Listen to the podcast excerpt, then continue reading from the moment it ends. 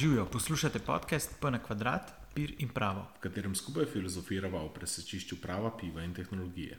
To ni pravni nasvet, zgolj sproščen klepet. To je bilo pravno opozorilo. Ministr za zdravje opozarja, prekomerno pitje alkohola škoduje zdravju. To je tudi bilo pravno opozorilo. Če ti je podcast všeč, všečkaj deli in se naroči. Zunaj dežek teka, teka, pada, strumno in veselo, midva pa tukaj v tišini, objelu, niti ne, ampak ob pijači snemava 33. epizodo. Kaj je to? ne vem, ampak nekdo mi je zanič rekel, eh, da je bil navdušen nad vodom prejšnjega dela. Da, Kaj pa je bil vod prejšnjič? Je tako bolj pravličen. Aha, Um, tako da moč moramo začeti o pravljicah govoriti. a pa un, uh, uno špico dava, uh, pozdravljeni otroci. Pozdravljeni otroci, pivo je dobro. Ne, otroci ni dobro. Um, nič žiga, 33 epizoda, uh -huh. navdušen, Ja, dobro nam gre, mislim, ful je epizod. tako da- ful epizod, mislim, kdo to posluša, vsakam čas. Ja. Uh, današnja tema, spet malo bolj hardcore digitalna, uh, uh -huh. ampak prvo kot prvo, imaš ti vprašanje za me. Aha. Ja, katero pivo je trenutno najbolj prodajano v Ameriki? Uh, Zdaj, če, če, če Coors Light, ne, ne. Ker Bud Light po mojem ni, ne? ker ga kao fruit pretestira. Bud Light je bil 22 let zapored najbolj prodajano pivo v uh Mhm. -huh. Ameriki in zdaj ga je, mislim, da v zadnjem letu ali pa. Mm, Jaz- ne, v tem letu. Coors Light še poznam, ker tam pri njih so ta lahka piva, ki so. Ja.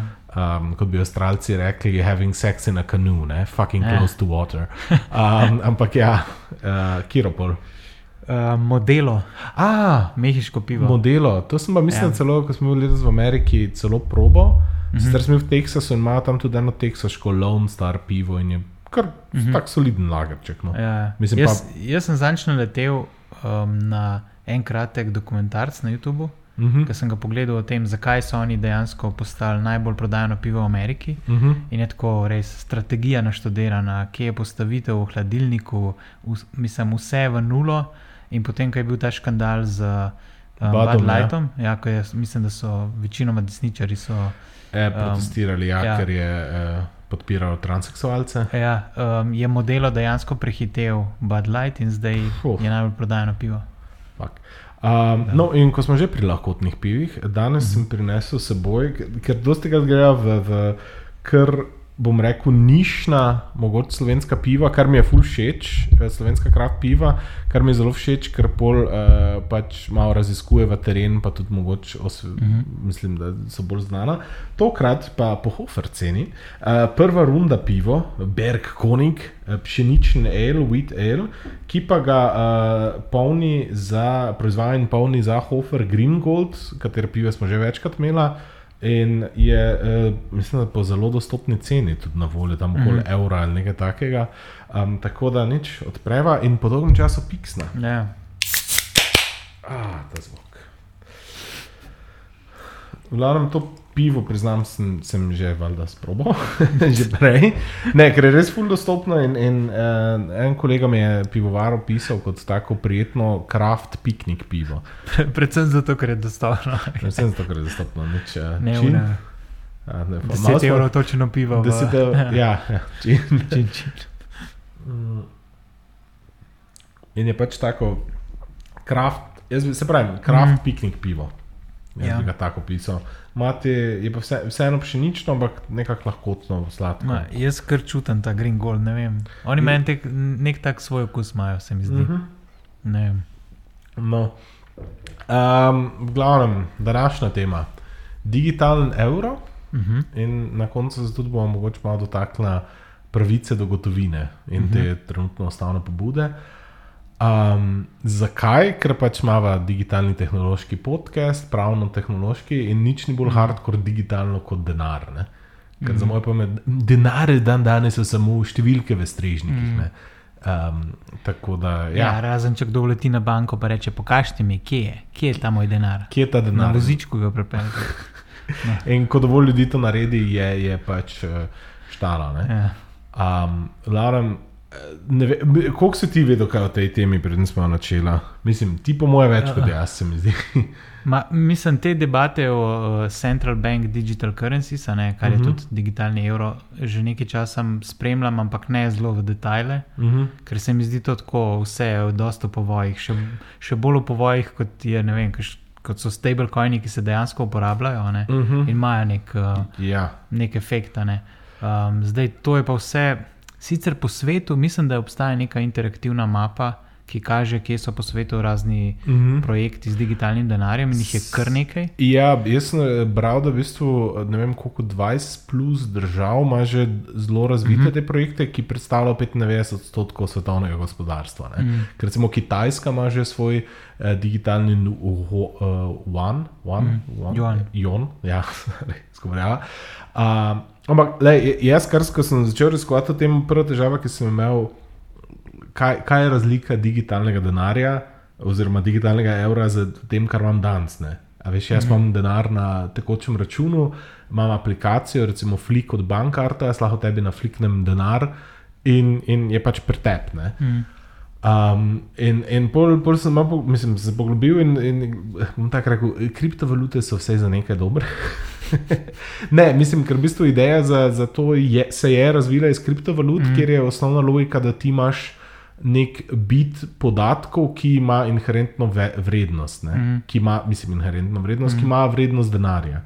In tu, če prav razumem, je ista logika. Ne? Ja, in hrani ga lahko v bistvu kdorkoli, ne? ker ti digitalni denar, kot ga danes poznamo, ga v bistvu lahko hrani samo banka. Ja. Ti imaš sicer dostop do tega, je tvoj, Ja. ampak ne moreš pa postaviti, ne vem, se pravi, jaz ne morem zdaj le skodirati banke na nek način in tam hraniti denarja. Ja. Ja, mislim, da je in, in pol, pol, ful, drugače bo linkala, je ful dobra spletna stran od Evropske centralne banke, kjer se zelo trudijo glede izobraževanja, kaj točno digitalni evro. Ne. Um, pač to bi bilo elektronsko plačilno sredstvo, ki bi bilo brezplačno na voljo vsem. Um, in enako kot gotovino bi lahko uporabljali kjerkoli, varno in zasebno plačilno sredstvo, in v bistvu pač naslednji korak so oni to opisali. ne. Um, zdaj pač klasično gledano, če govorimo o denarju kot pač fiat valuti, uh, torej evri, funti, karkoli že, ne, je to zakonito plačilno sredstvo, ki je ponovadi izražen v obliki kovancev in bankovcev. ne. Mi imamo pač te fizične kovance bankovce, njim smo pripisali neko vrednost in to se uporablja. ne. Um, Zdaj pa glih to, ko sem rekel prej, flik pa podobne zadeve. Ne, v bistvu, jaz sem potem razumel, in tu je tudi Investipedia mi pomagala razumeti. Ne, Uh, naš bančni sistem, tako da je temelji na kreditiranju med bankami, oziroma da si one drug, drugem, drug drugi posojajo likvidnost in te številke šibajo spredi zadnji. Jaz te, ko fliknem denar, pa upam, da bo fliknil zdaj sponzoriral. Ne. Ne, ampak recimo jaz tebi nakažem denar, to potem moja banka tvoj sporoči, da se ne zabeleži pač tam številka plus in pa številka minus. Mm. Pri čemer pa pri digitalnem evru, pa, pa tu me lahko ti popraviš, če, če ne razumem prav, bi pa imel res ti na telefonu oziroma v nekem druge aplikaciji, karkoli, mm. nek bit, ki bi pač pomenil en evro in bi bil samo tvoj in bi ga jaz lahko tebi poslal preko česar koli. Mm. V bistvu bi ti poslal datoteko, mislim, bite, z katerimi bi bilo vezana pravica, da jaz dobim potem tudi pretvorim nazaj v evro. Mm. Ker to, to je v bistvu en vidik, ki ga ECB skozi podarja. Ne? Ti, če imaš digitalni evro, ga lahko kadarkoli pretvoriš in dobiš gotovino Mm. za njega. A ti, a ti isto razumeš, mislim, centralne na splošno. Ja, sem še vedno se mi zdi, da verjetno bi tudi ta digitalni evro ti lahko, ne vem, zastavil in podobno. ne. Ja, ja. Tako da upora, nekako uporaba na koncu bi bila zelo podobna, mogoče samo ni toliko nekih ovir, a ne? mm -hmm. se Mhm. pravi, ne vem, lih, lih tak flik je mogoče dober primer. a ne. To je sem, jaz to razumem kot app, ki povezuje bančne appe. ne. Ja, ja nekako. Ja. Zdaj, tukaj pa pri digitalnem evru tega ne rabiš. Ne? Jaz pošljem tebi, jaz pošljem tebi na banko, ti pošlješ iz banke, ne vem kam. Ja, Um, ampak je pa, je pa tu razlika v osnovi, ja, če imaš ta centralni, uh, pač uh, Central Bank Digital Currency, ne, Mhm. CBDC, superkratica. Um, je pa odvisno, za kakni, kakšen mehanizem se odloči država. Mm. Um, ker recimo ena možnost je, da imajo vsi državljani Evrope, bi imeli potem račun odprt pri Evropski centralni mm -hmm. banki in bi imel ti pa... digitalen evro in bi mm. to bilo tone. Mm. Tu lahko kar omenim, da seveda rizik, da če se to zgodi, pomeni, da praktično bančni sektor, kar se depozitov tiče, propade. Ker bo -hmm. ljudje bolj, mislim, načeloma ekonomska teorija govori pri tem, da bo ljudje bolj zaupali centralni banki, kot pa Sperbanku, recimo, mm -hmm. za svoj denar, in bo vsi imeli samo pri ECB odprt račun, te banke pa bo zamrle. Mm -hmm. Tega ne bo pri digitalnem evru, tako da je predlog zdaj zastavljen, bo posredniki, kjer boš ti mhm. odprl račun in to posredniki so v bistvu um, upravljalci plačilnih storitev, kar so banke, lahko pa tudi PayPal. Recimo, PayPal mm. je en najbolj znanih teh posrednikov plačilnih storitev, mislim, da ima vsa ta dovoljenja po, uh, pač kot plačilna institucija, ker to mm. je pač ločen, reguliran subjekt. Večina bank tudi to upravlja, pa mislim, da skoraj vse. Hkrati mm. imaš pa tudi ločene plačilne subjekte, kot je PayPal, ki ni banka, ima pa pravico plačilnih storitev. Mm. Um, Neki, to, zdaj si me spomnil, v bistvu, ja, da, da ta ideja bi lahko privedla do tega, da bi vsi imeli pri, direktno pri ECB račune. Ja. Se pravi, da Ampak cel bančni sistem. Ampak ECB se ni za to odločil, vse ja. tako je zdaj predlog. Ja. ja, ker se mi zdi, da itak, mogoče tudi centralni bankiri in ostali bankiri so proti temu, ker potem zradiraš cel bančni. Pomaž samo eno banko. Ja. Ja, eno centralno banko in to je to. Ne? In cel sistem smo postavili na temu. Zdaj, Mislim, zradiraš bančni sistem, ki temelji na depozitih, ne? neke druge ja. funkcije, prav to je full velik del. Ne? Imáš še neke druge funkcije bank, ki bi še vedno lahko upravljali kreditiranje, pa vse to, čeprav pol je problem, iz kje bo dobil sredstva. Ne? Ampak, ja. mislim.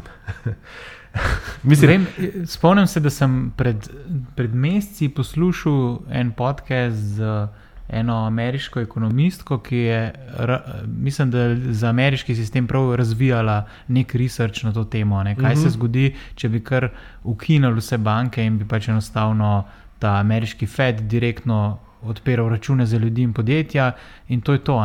Ja. Tako ali tako do vem, 250 tisoč pri njih in do 100 tisoč pri nas jamči država.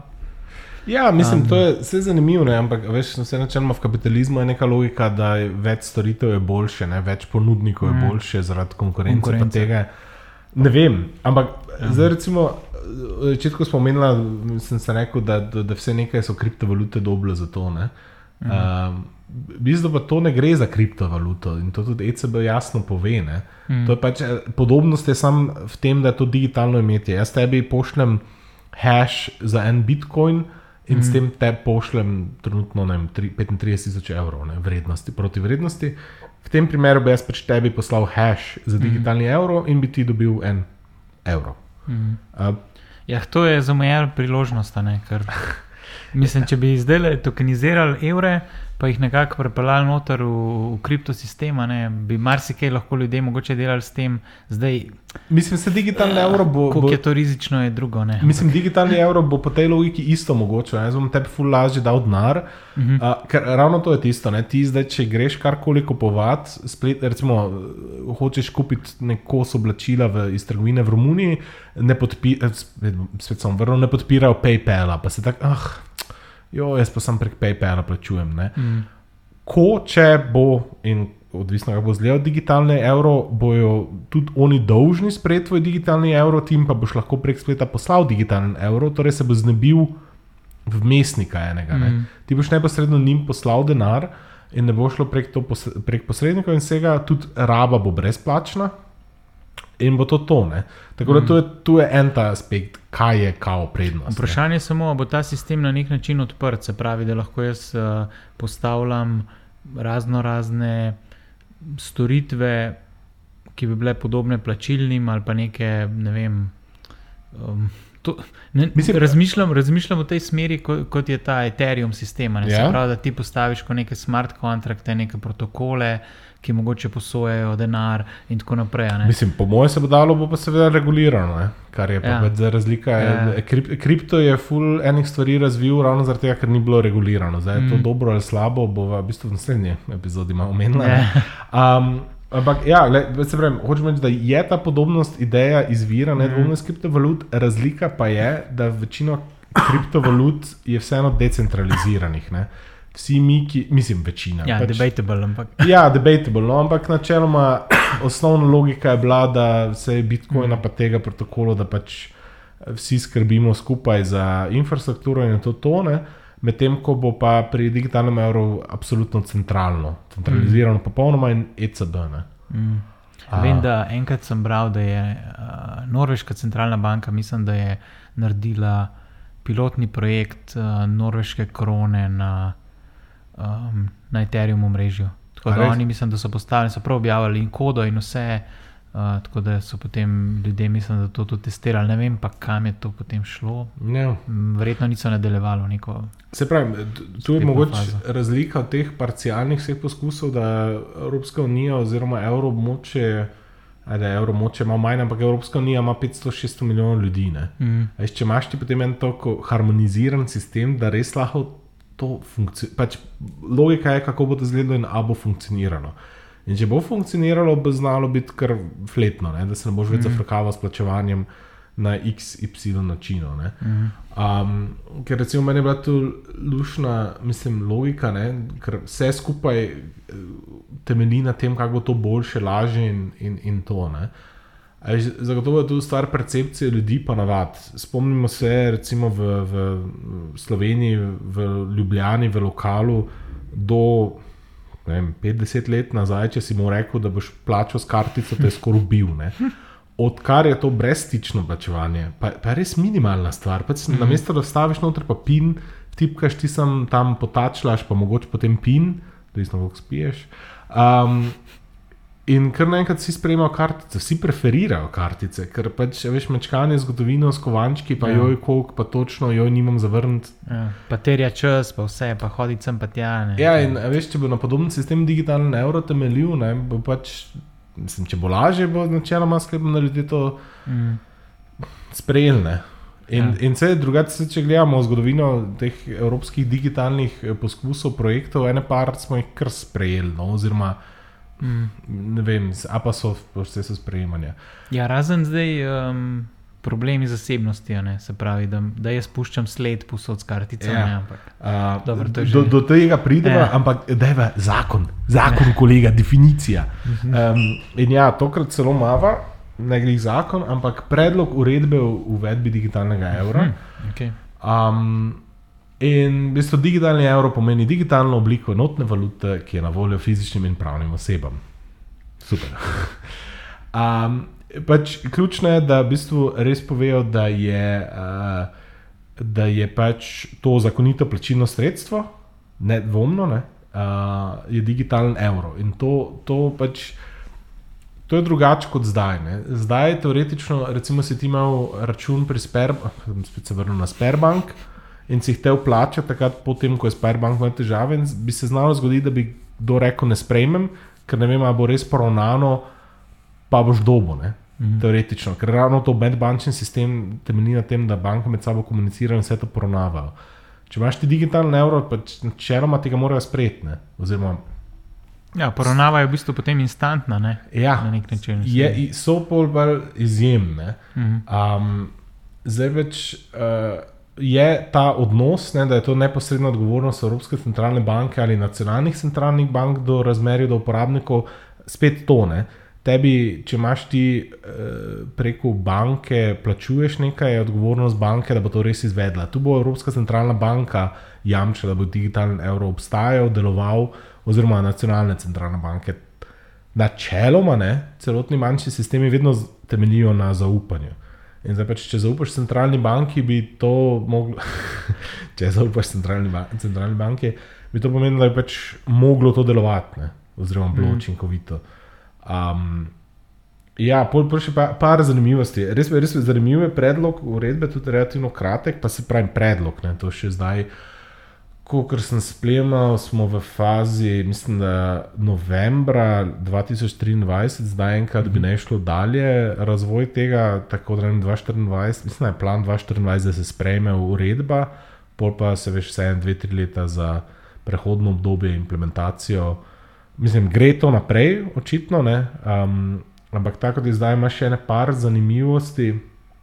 Sem mogoče eno vprašanje. Uh -huh. če, če jaz to prav razumem, je to bo itak obstajalo usporedno z obstoječim sistemom. Ja, ja. Se pravi, ti boš ali gotovina ali evro, kot ga poznamo zdaj v digitalni obliki, ali ta nov digitalni evro. Ja, sem, po mojem je pa cilj, da bo to tako lažje, da bo, tisto, mm. mislim, veš, da bo tudi banka, ki bo tebi omogočila prenos tega digitalnega, veš, ona bo še vedno lahko digitalni evro za te prenesla, oziroma, povezati, oziroma te denarnice bi naj že bile povezane. Mm. Mogoče ta aspekt bo celo malo zamrl. To, mm. to si to priznam, tu si še ne predstavljam, kako bo to točno izgledalo.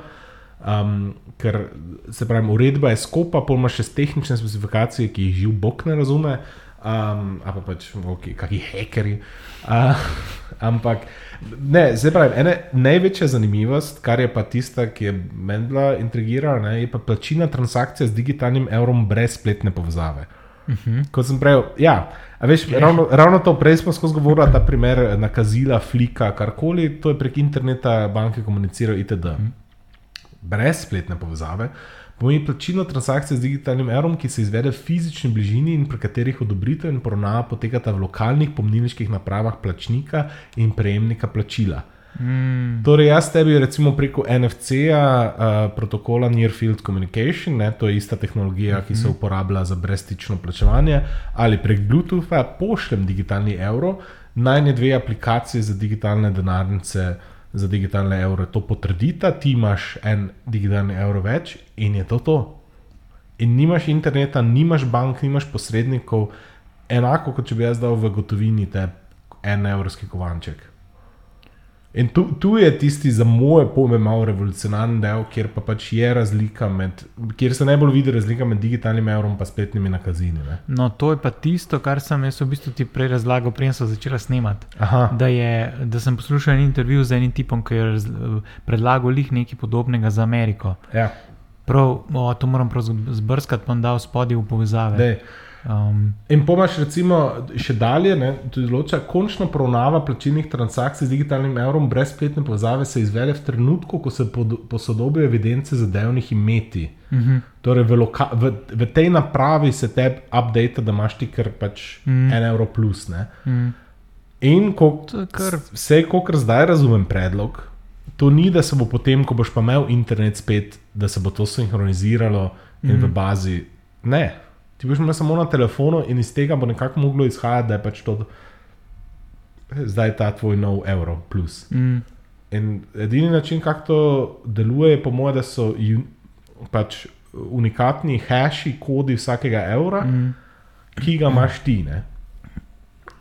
Veš, in, in, to, in to, to je in en, en aspekt, ki je potem dalje zanimiv, ko si omenil zasebnost. Ne?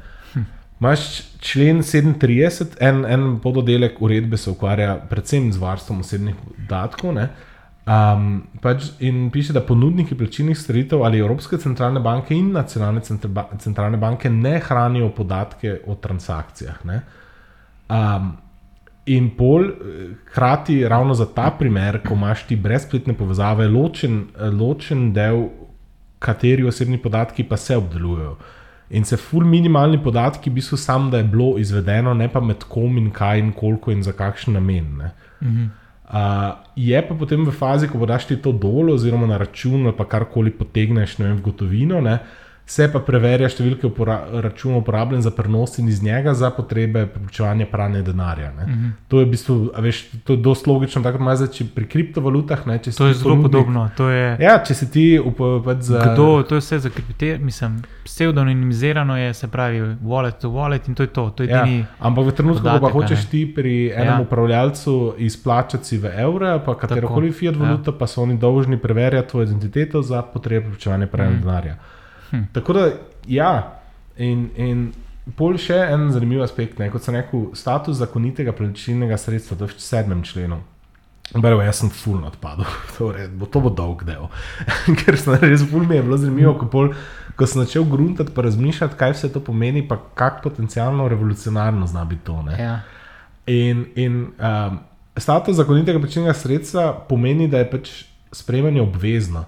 In se sprejema s polno vrednostjo, a veš, ti, če imaš en digitalni evro, to mora biti enako enemu dejanskemu evru. Ne, ne smejo ti upaliti, mm. ne, ne, če z digitalnim evrom plačaš, se to šteje kot 0,75. Vse ni, ni podobna regulacija v bistvu za um, diskriminacijo med različnimi plačilnimi sredstvi. Tudi. Se pravi, da je ja, lahko... mislim, da je sem, sem hkrati na strani potrošnika, ne, ja. pa, če ni potem uh, provizije. Ne, to... Ja, provizija je, ampak je v bistvu na strani sprejemnika plačila. Tako, ne? Ja, tako. Ja. ne sme biti pa na strani potrošnika. Tu pa načeloma, veš, v skladu z obveznim sprejemanjem, ne sme zavrniti za mhm. izpolnitev. Mm. Uh, in pa je prepovedano zaračunavati doplačilo, to je pač isto. Ne? In, mor sprejeti. Zdaj pa za vse, ki se ki skrbi, bom se branil, ker na tržnici, ki bi pa rada, recimo, cash dobile. Ne vem, zakaj je ta primer, ful se pojavlja, da pač, se pač dejstvo je na tržnici s cashem posluješ. Um, Je pa izjema, ne? člen 9, če recimo si prejemnik podjetja, ki zaposluje manj kot 10 oseb, ali pa ima uh, manj kot 2 mija prihodkov, um, ali pa je ta dobrodelna organizacija. Um, Pol še imaš, kadar se digitalni evro zavrne v dobri veri in kadar taka zavrnitev temelji na legitimnih in začasnih razlogov, skladu z načelom sorazmernosti glede na konkretne okoliščine, na katere prejemnik plačila ne more vplivati. To, po mojem, prva asociacija je bila poplave v Sloveniji, da mogoče takrat, ne vem, folk. Veš, če nimaš troma, si ne moreš filati telefona, s katerim bi digitalno ne moreš sprejeti. Mm -hmm. Ne vem. Um, pol kakšna osebna domača dejavnost, če je to fizična osebno, uh, oseba, ki to upravlja, ali pa to je recimo pri nas kakšno dopolnilno delo, spet recimo ljudje, ki prodajajo svoje verižice. Um, tako da to, ali pa če se dogovoriš vnaprej, ne, z tem, da pač ne bo sprejemal digitalnega evra. Pri čemer pa je potem še dodatna obveza, da pa ne smeš imeti kot podjetje vnaprej eh, pač določenih pogo eh, splošnih mm -hmm. pogojev, ki ti pravijo, ne, ne sprejemamo digitalnega evra. Tako da, v bistvu, načeloma, veš, če si ti neka velika družba, boš kar mogel sprejeti digitalni evro. Ampak, se pravi, stvar, ki sem jo pa skozi razmišljal, razumem, zakaj je uredba tako zastavljena, da moš to sprejeti. Seveda, kot sem pa rekel, ne, cilj pa je, da, da je to tako fino, da bo ljudje hteli sprejeti. Tako kot sem rekel, za brezstična plačila. Brezstična mm. plačila so vse posod. Um, kaj je že ta odprta kuhna v Ljubljani, mm. uh, samo brezstična, mislim, samo s kartico še lahko plačuješ in pač brezstično, ker je simpel. Mm. Ravno to je tisto. In, in če bo to simpel, če bo to delalo, ne vem, se mi zdi, da, da bo vredno. Ja, tudi bolj varno je, tudi večji nadzor je. Lahko, vem, če si predstavljaš, da imaš zaposlene, pa morajo oni potem s tem cachem tam še operirati, sploh mogoče prehrani, še toliko bolj to. Ja. No, tako da, ja. Da, jo, ne vem, štekamo zdaj, kaj je razlika, ker jaz imam ful težave. Ne, ja, mislim, mislim meni to zdaj bolj zveni, kot kar kar sem na zadnje poslušal o digitalnem evru, ne vem, ja. mesece nazaj, leta nazaj. Baj, baj, Evropska uh, centralna da. banka ima tudi svoj podcast in ima eno par delo posvečeno digitalnemu evru. Sem sledil. Vse drugače, mislim, da je bil. Uh, Fuh, kaj sem pa že poslušal? Ne, intervju je bil z nekom iz Banke Slovenije o digitalnem evru uh, pred časom, možno da na tem le Moneyhow podcastu finančnem. Ja. Um, Um, glavnem, ja, pač logika je, da imaš ti res nek bit, nek hash, neko kodo mm. na telefonu, na nečem drugem, na uri, ki je, ki je pač tvoj denar, ne? ki je pač tvoj denar, ki ni povezan s spletom, ki ga lahko jaz pač tebi se najne ure pošljata in se izmenjata cash, mm. ki ga potem lahko grem na banko in rečem, dajte mi v gotovini, da ga dam v zokonček. Um, tako da ja, v novembru 2013 bi se naj dalje razglabljalo o tem je končen predlog strani Evropske komisije, dan ni pa še seveda sprejet, ni še šel skozi parlamentarno proceduro.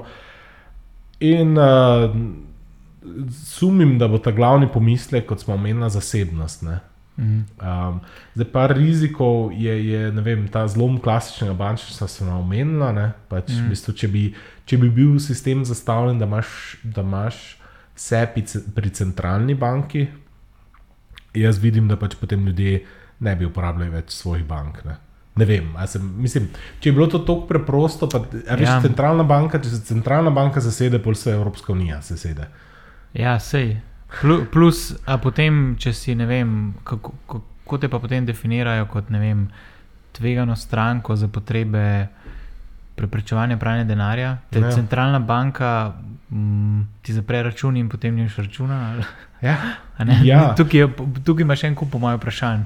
Ja, tako- se tu, tu je en ta rizik, ne, na- nadzor, nadzor države nad denarjem in potrošnjo. Mm, Dejstvo je, ne, in to, to se pač kot pozitiven aspekt, ne, da pač seveda bo um, a veš, en ta element nadzora, ti če imaš to nek sistem, da bo, sistem, da bo sledljiv vsak evro, ki je, bo zelo digitalen evro, bo zelo hitro videl, kje se pač kopiči denar za pranje denarja, za financiranje terorizma.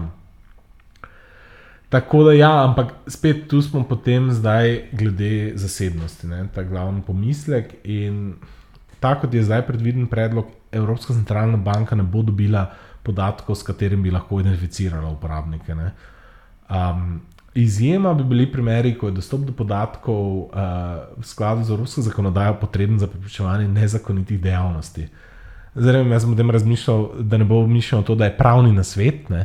ampak eh, jaz drog ne bi kupoval za digitalnim evrom, čist, čist slučajno, če bi koga to zanimalo. ne. Um, večji problem je pa delo na črno. Mislim, večji problem. Pač, jaz, tako kot sem zdaj razumel predlog, imaš ti taksativno našteto, imaš ti, ti imaš ločeno, katere podatke, osebne podatke, ok, da gre korak nazaj. Po pravu Evropske unije, po splošni uredbi o varstvu osebnih podatkov, moraš imeti izredno zapisano, bodi si pogodbeno, bodi si zakonsko, kdo lahko katere osebne podatke pač obdeluje in za kakšen namen. Zato ima večina evropske zakonodaje, ki se tiče obdelave osebnih podatkov, potem specificirano, za kakšen namen kdo lahko katere podatke obdeluje. Uh -huh. okay. Predlog uredbe ima tudi to, kjer pa ima razliko za primere, kjer se to uporablja digitalni evro z spletom, torej jaz kupim z digitalnim evrom prek Amazona nov laptop. Uh -huh. Tam se lahko širši nabor podatkov obdeluje, kar je po eni strani logično, ker se v bistvu gleda prenos vse, pa tja, pa prejem, pa to ne. Iskreno, tudi, tudi, uh, tudi zdaj, ko ti kupuješ nekaj na internetu, se lahko marsikaj preveri. Bom tako rekel, tudi se preverja, um, mislim, en, en, en izmed vidikov, ko je pre- preprečevanje pranja denarja, financiranje terorizma, se mislim, na skoraj vseh primerih primerja, mislim, preverja ne, za te potrebe. Uredba pa ima potem eno ločeno točko, ki pa določa uh, glede obdelave osebnih podatkov, ki se tičejo preprečevanja dela na črno oziroma uh, davčnih obveznosti. Uh -huh. Za spletne nakupe je predvideno, da se to obdeluje. Hočem reči, če boš ti digitalni evro, pač ti, kao si nezaposlen, pa pa s digitalnim evrom za 20 ur kupiš nov avto, bi teoretično lahko banke to obdelale in notificirale Fursu in rekle: Halo. Ne? Ampak to mislim, da bi se tudi dan danes zgodilo, da bi pač banke, zelo verjetno finančni upravi, oziroma finančna uprava lahko prišla do teh podatkov, če bi ti, veš, imel na te, tekočem računu toliko denarja, hkrati pa nič prihodkov. Po moje je to nek. ja, načeloma No, se lahko zgodi preiskava, no, po mojem. ampak tako, pre, ja. mislim, preiskava, ne avtomatsko. Ne. Mm, To, to je dosti podobno. Ampak v primeru, ko imaš počevanje z digitalnim evrom brez spleta, to, ko smo se prej rekli, uh -huh. da se dva telefona šlatata in si pač evre, tam pa ni predvideno, da banka lahko. Uh, da banka oziroma upravljalec plačilnih storitev obdeluje podatke za namen pač teh ugotavljanja davčnih obveznosti. Tako da teoretično delo na črno bi šlo tudi skozi, spet ni pravni na svet. Delo na črno bi šlo tudi skozi z digitalnim evrom, tako da je zdaj zastavljeno. Hoče reči, ne bo digitalni evro način, kako se bo nadzorovala. Če bo, ne vem, Loize kar naenkrat imel 5000 evrov, konc vsakega meseca, 5000 digitalnih evrov na svojem računu, mm. ki jih bo dobil brez spletnega um, pač tega posredovanja, načeloma teh podatkov naj ne bi uh, smela banka potem reči: Halo, on pa dela na črno, da te furs bi malo to pogledati, ne? oziroma da bi kakršen koli drug trigger povzročila. Um, ampak se pravi, to je trenutni predlog. Ne? ja. Ja, tukaj moraš imeti vedno podatke o dejanskem stanju, ne, kaj Mhm. se je zadnji zgodilo. ne. Zdaj, če, Lahko da od babice dolgo ne. ja, se, a ne, mislim, to, to je zelo težko potem vse preverjati. Itak, tako je pri gotovini težko. ja, ne. ja. Mislim, tako da z tega Ja, vidika direkt. Digitalni evro brez spletnega posredovanja, bo. Je neke vrste digitalna gotovina. Ne. Ja, ja, uh, lepo si povedal. Um, Ja, pol je recimo ta strah, da ti vse zamejo. Ne? Pač, da ti enostavno, evropska, ampak to je iskreno že strah pri kateri koli banki. Ja, depl A. deplatforming. Ja, Ja, se, se, ja, ne, mislim, potem smo že blizu um, temu kitajskemu sistemu. Ne? Ja. A je, a je digitalni evro social scoring um, sistem? ja to, je, to, vse to je bil en moj point, ne, ko so uh, ene teorije zarote, da če boš trošil za že vržne z- stvari, ne, recimo kaj, ki škoduje, uh, pa ne, vem, ne podpira Evropske unije, pa to, da ti bo blokiral račun. Moj komentar je, to se v bistvu že sedaj dela. Um, Zdaj smo v enem delu, mislim, da smo omenili to zgodbo Pornhuba, um, uh -huh. spletne strani, ki jo mogoče kdo pozna izmed poslušalcev. Um, v glavnem Visa in Mastercard, kot dva največja upravljalca pač bančnih kartic in plačil, sta blokirala plačila Pornhubu oziroma um, MindGeeku, lastniku. Uh, a veš, ker na Pornhub ima tudi plačljivo verzijo za pač, ljudi, ki rabijo to. No, no judgment. V glavnem, in, in so blokirala plačila zaradi tega, ker takrat še Pornhub ni imel nadzora nad sebino in bi naj bilo gor tudi vsebine s spolno zlorabo. In pač seveda Mastercard in Visa nista htela biti v medijih asociirana s tem in sta rekla, fuck you, uh, nič več plačil vam. In, podobno, in to je bilo leta 2020. Dva, 2022 je podobno ena ženska tožila MindGeek, lastnika Pornhuba in Vizo, ker sta domnevno služila od oglasov njenega posnetka, ki je bil pač uh, gor dan brez njenega soglasja, torej ta revenge porn, um, mm -hmm. pa še menda je bila na njem mladoletna. Vladam tožila njih in polkal, da od oglasov, ki so bili tam gor, ki pa jih v bistvu ena sestrska družba upravlja od uh, MindGeeka, uh, zaslužila na ta način in je tožila in Vizo in MindGeek in Visa in na to tudi Mastercard sta ponovno onemogočila plačila tej uh, pač, uh, platformi za oglase na Pornhubu. Mm -hmm. Hočem reči, ne, da pač dejstvo je, da tudi zdaj si, si lahko, zdaj si pa pač takrat boš potencialno z digitalnim evrom podvržen temu, da bo država rekla, da si zločinc in ne boš mogel v vsem sistemu sodelovati, zdaj pa ti lahko dve korporaciji, dve globalni korporaciji, katerih načeloma niti ne moreš voliti predstavnikov, to ne mogočate. Ne. Ja, Kot, ne vem, kaj je slabše. No. Pač, ja. Vse je slabo. ja. Mislim, če te nočejo, te nočejo. No. Kaj? Ja, kot mali človek se, le, se težko boriš ne, proti temu. Ja. Ja, kot mali človek. Um, ja, to. Jaz sem fulno odpadel. Ja, se ja. ja. Ful, sorry, full pol sem Ne, res. sej, mislim, meni, meni se zdi ta tema ful zanimiva. Pre, predvsem, ker odpira to enih vprašanj, ne vem, zasebnost, Ja. pa ta kontrola, moč. Jaz sem vmes predvsem razmišljal o tem, wow, koliko podatkov bi lahko v bistvu centralna, Evropska centralna banka imela, če bi vse to zbirala. Pa ne, ne, ne, ne mislim o ljudeh, ampak samo o nekih anonimnih navadah. Um, Statistični podatki, ne. Ja, toliko denarja in tako naprej. Tudi s- spremembah potem skozi čas. a ne, to je- Ja, sprašujem se, ali lahko te podatke tudi mm. dolgoročno koristno uporabljala z vidika vpliva na njihovo monetarno politiko. Ne, mm. viš, ne vem, tol, toliko ne Ja. ja. znam o, o ekonomiji pa monetarni uh, teoriji, ne, da bi potem, da recimo, ko bi videla neke trende, začela vplivati na Ja. obrestne mere. Ja, se je vprašanje, v bistvu, kaj zdaj počnejo. V to se tudi nisem res, ja. spuščal. Ja. Ampak ja, ja. Um, ampak ok, cash is king, ne, predvsem če si slovenec. ja. Um, Glede sem bral statistiko, da, Slovenija, da smo še vedno prvi, a smo prvi v Evropski uniji glede uporabe gotovine, da je mislim, na 76 odstotkov. Mislim, da je zelo visok delež uporabe gotovine. Vem, da te spletni trgovci vedno razlagajo, da je ogromno tega um, plačila po povzetju. A res? In sem jaz tako, se pravi, ljudje ne uporabljajo kartice na internetu, ker to je ne vem, slabo in jih bojo shekali, ampak je plačilo po povzetju in jaz sklepam, da je velik del tega zgodovino. ne. Ja, ali pa ne vem, kupujejo škatljive stvari na plačilo po vozetju in jih skrbi zasebnost, a gess. Hkrati pa uporablja svoj e-mail, ki je primek.email.gmail.com, ampak ok, no judgment there. Um, Glavnem, cash is king. Uh, ne vem, jaz meni je gotovina ok, ampak vsej 40 tisoč slovencem je tudi ok. Um, ker namreč glede zdaj je medijsko odmeva ta predlog zapisa um, pravice do gotovine v ustavo. Uh -huh. 50a člen v ustavo, sem šel potem na spletno stran, mislim, da povežemo pika se. Brat in dva, v bistvu dva odstavka bi se dodalo. Ne? Prvi odstavek na območju Republike Slovenije je gotovina zakonito plačilno sredstvo. Drugi odstavek, vsakdo ima pravico do plačila za nakup blaga ali upravljanje storitve v pravi z gotovino kot zakonitim plačilnim sredstvom. Zagotovljena je pravica do gotovinskega poslovanja v bankah ali podružnicah tujih bank. Mhm. To je v bistvu predlog zdaj, kao za zapise ustave. Mislim, čisto nomotehnično je meni ta pač, nomotehnika je veda o pisanju pač zakonu in stavem je malo prvi odstavek problematičen, ne pač katera gotovina. Ne.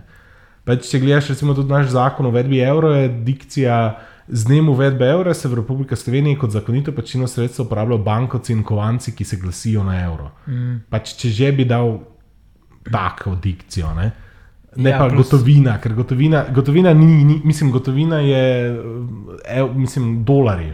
Ja. ja, pa še jaz zdaj, če malo potrolam, ne tole, vse skupaj, se mi zdi, da ti lahko tudi zelo omejiš dostop do gotovine. Ja. ja, v redu, gotovina je zapisana v ustavo, ampak gotovino dobite samo prvi ponedeljek v mesecu na sedežu Banke Slovenije. Ja, nisi nič tem dosegel. Ja. To, mislim, da ne bo že zdaj tudi uh, tale, uh, tale predlog uvedbe uredbe z digitalnim evrom, mislim, vse, kar je komunikacija Evropske centralne banke, mm jasno govori o tem, da gotovina ne bo zginila in bo se še ohranila. In ni dvoma, da mm. tudi iz akta Evropske unije izhaja, da pač evro je izražen v kovancih in bankovcih in je to zakonito plačilno sredstvo na območjih, kjer je evro. Mm. Načeloma je že to varovano, razumem, kaj hočejo predlagatelji doseči. Ne vem, če bo s tem to dosegli, tudi če bo sprejeto. Ker namreč drugi odstavek, ok, da vsakdo ima pravico do plačila z gotovino, spet kot plačilnim zakonitim sredstvom bi bilo boljše gotovino v prvem odstavku definirati za to bank, pač evri, um, kovanci in bankovci evrov. Ampak uh, pač je ok, ne? ampak se pa res sprašujem, če to pomeni, da te ne more zavrniti ponudnih storitev. A, a, je, a je ta dikcija dovolj, da pač če bi nekdo reče, ne, jaz pa nočem. A jaz pa nočem sprejemati gotovine. Jaz sem, jaz, sem, jaz sem gospodarsko družbo v Sloveniji, klince, jaz sem SP, pa rečem, jaz nočem keša sprejeti, jaz hočem, da mi nakažeš. Mm. Še, tu je potem pač tudi druga pravica, ne veš, da sem pač fuck off, ne? jaz hočem, da mi s kurami plačaš. Ne? Pač take pogoje sem jaz postavil. A razumeš, ne, kaj hočem reči? To me zdaj spomne na tisto, mislim, da so v El Salvadoru zakonili, da morajo vsi sprejemati bitcoin ne? kot plačilno sredstvo. Um, in mislim, da so bile potem enormne težave s tem. Vsi so si mogli to aplikacijo uploaditi, aplikacija je delala, ni delala. Uh, da si ti dobil ta Bitcoin, je seveda trajal, ker to terja potrditve na networku in tako naprej. In so pač ljudje se enostavno začeli kršiti to, niso ja. več sprejemali ne? in je bilo to. to mislim, in vse zgodovino, pač to, kot se to govori, da je to brez stroška napram bančnim transakcijam, dejstvo je, da gotovina nosi sabo stroške, mm. to je mhm. pač fizična stvar. Če imaš ti 100 tisoč kovancov, je to jemeno težko. Hramba, ti moraš ja. hramba, varovanje, itd. Na koncu koncev spomnim se Pablo Escobarja, ko je na leto ne vem koliko. Eh, 100 tisoč dolarjev izgubil zaradi tega, ker so mu podgane poglodale bankovce. Mm. Mislim, banalen primer, ampak več bankovce tudi treba nekako hraniti na varen način. Varovanje moraš imeti, a veš, a boš ima potem. Pa, tako kot smo rekli, ne, mm. pač težava, pol, joj, oh, nimam drobiža, ima tako zavrniti, lahko gor za okrožje. Mislim. Yeah. Hočem reči, da to. Yeah. A veš, da moj pomen to malo posegaš pravico nekoga drugega, ki pa reče, ja, pa jaz pa ne bi gotovine sprejemal. Um, in razumem, da je njihov glavni pomislek zasebnost, In če pač se spet navežem na predlog za uredbe z digitalnim evrom, je kar nekaj členov glede zasebnosti, ne vem, ali bo to dovolj ali ne. Hkrati se pravi, ta plačilo oziroma prenos digitalnega evra brez, um, brez uh, spleta, načeloma še bolj zasebno. Ne? Ampak kot rečeno, še vedno pa ostane gotovina, nič, nič iz tega uredbe ne kancla gotovine. Mm. Dejstvo je, da smo pač ljudje, po mojem, kolektivno odločili, če bomo hteli skancelati gotovino. Ne vem. Mm. Um, ja. Hrati pa v bistvu stvar, ki me najbolj moti pri tem predlogu, ne, je pa ta nadnacionalnost oziroma prevlada evropskega prava. Ne. Pač tehnično gledano, če ima naša ustava not nekaj zapisano, kar ni v skladu z pravom Evropske unije in če bo uredba o digitalnem evru določena, da je pač tudi digitalni evro zakonito sredstvo. Ne? Ja, bo naša ustava v neskladju z evropsko zakonodajo, in pol imaš tisto, se spomniš, to iz faksa. Um, omejitve, zolange. Samo mislim, da bo Slovenija podredila svojo suverenost, torej tudi priznala, da je evropska zakonodaja nad ustavo mhm. slovensko, vkolikor ne bojo kršene temeljne človekove pravice in bo temeljila Evropska unija na spoštovanju itd. itd. Ne, ne vem, bi glih rekel, da je pravica gotovina temeljna človekova pravica. Ne vem, mislim. Se pravi, razumem pomisleke predlagateljev, da bom rekel, da pač, mislim, pač ljudje imajo, mislim, je ta strah zasebnosti, pa to sem hkrati pa hočem reči, da. Uh, ja, ne, ne vem. Meni se zdi, da v ustavi bi mogle biti zelo splošne stvari in zdaj, a gotovina je neka splošno varovana dobrina, pravica, po mojem, da ne, ne vem. Mislim, ne. pač po tem, se pravi. Mogoče bi lahko napisali, da moramo varovati zasebnost pri plačilih ali ne vem, nekaj, ja. nekaj v tem stilu. Ne? Ja, ne, ve, ne um, vem, ja, se strinjam, ker ne vem, veš, se pravi, moti mi pa ravno to, ker če, jaz, če se mi dva zmeniva, da pa jaz posprejemam plačila samo prek nakazila, mm. pač ne, jaz nočem cache. Ljudem nočem, ko mi vračajo, ne mi nakažejo cache, ja. da mi dajo gotovino, kaj naj s tem. On pač denarnici not, pa pač mi ni, pol še več potrošim, iskreno. Ja. Ja, po, ne, potem bomo imeli te primere, ki jih iz Amerike poslušamo. Ne, ko nekdo pride s tovrnjakom uh, kovančkov po en cent ne, in nekomu vrne. Um, pa mu plača odškodnino in podobno. Ja, ja, te, te, pač, te, ja, ja, te, te, te. Ja. Um, Larom, ja, nič. Ja, to je to, Sorry, jaz sem fulno odpadel. Prav, ne, prav, top, uh, mislim, meni se zdi, da. Fum je všeč tema. Tak, ja. To, to, bi, to bi lahko še nadaljevala, ne? ker se mi zdi, da. A poko bo sprejeta. ja, pa ne to tako. Ne? Se, če greš še en korak nazaj, ne denar je zelo taka. Uh, mi zdaj sicer tukaj Evropska unija to regulira, ne? po drugi strani mogoče pobude državljanov, da se uh, gotovina ohrani, ampak denar je v bistvu socialni konstrukt ne? na nek način. Ne? Pač mi, mi, se, mi, uporabniki, se odločimo, ne, kaj bomo s tem delali. To je vse socialni konstrukt. Mislim, Ja, ne, ampak veš, zakaj zdaj recimo v Sloveniji ljudje uporabljajo več gotovine? Pač nek razlog je, ne? Neki, ja. neki nam dogaja v glavi, da rečemo, ne, jaz grem zdaj na bankomat in bom potegnil ven 50 evrov in bom s tem šel plačati, ne bom plačal s kartico. Ne? Ne, mislim, Ker... Ve zakaj. Ne? A brez računa se da kaj cenejše. Ne? Ja, seveda, ne, vse. Ja. Mislim, to je, da ja. dajmo si nalit čistega vina ja. ali čistega. Ja, tukaj verjetno spadamo pod ta bolj južnejši del Evrope. Ja. Španija, Italija, Grčija, kjer je, mislim, da sem enkrat gledal statistiko, da je teh plačil v gotovini in nekih um, sive ekonomije še vedno pač. Ja, zato in... mislim, tudi naša davčna, mislim, zato so najbolj pri nas popularni davki, ki se jih najlažje pobere.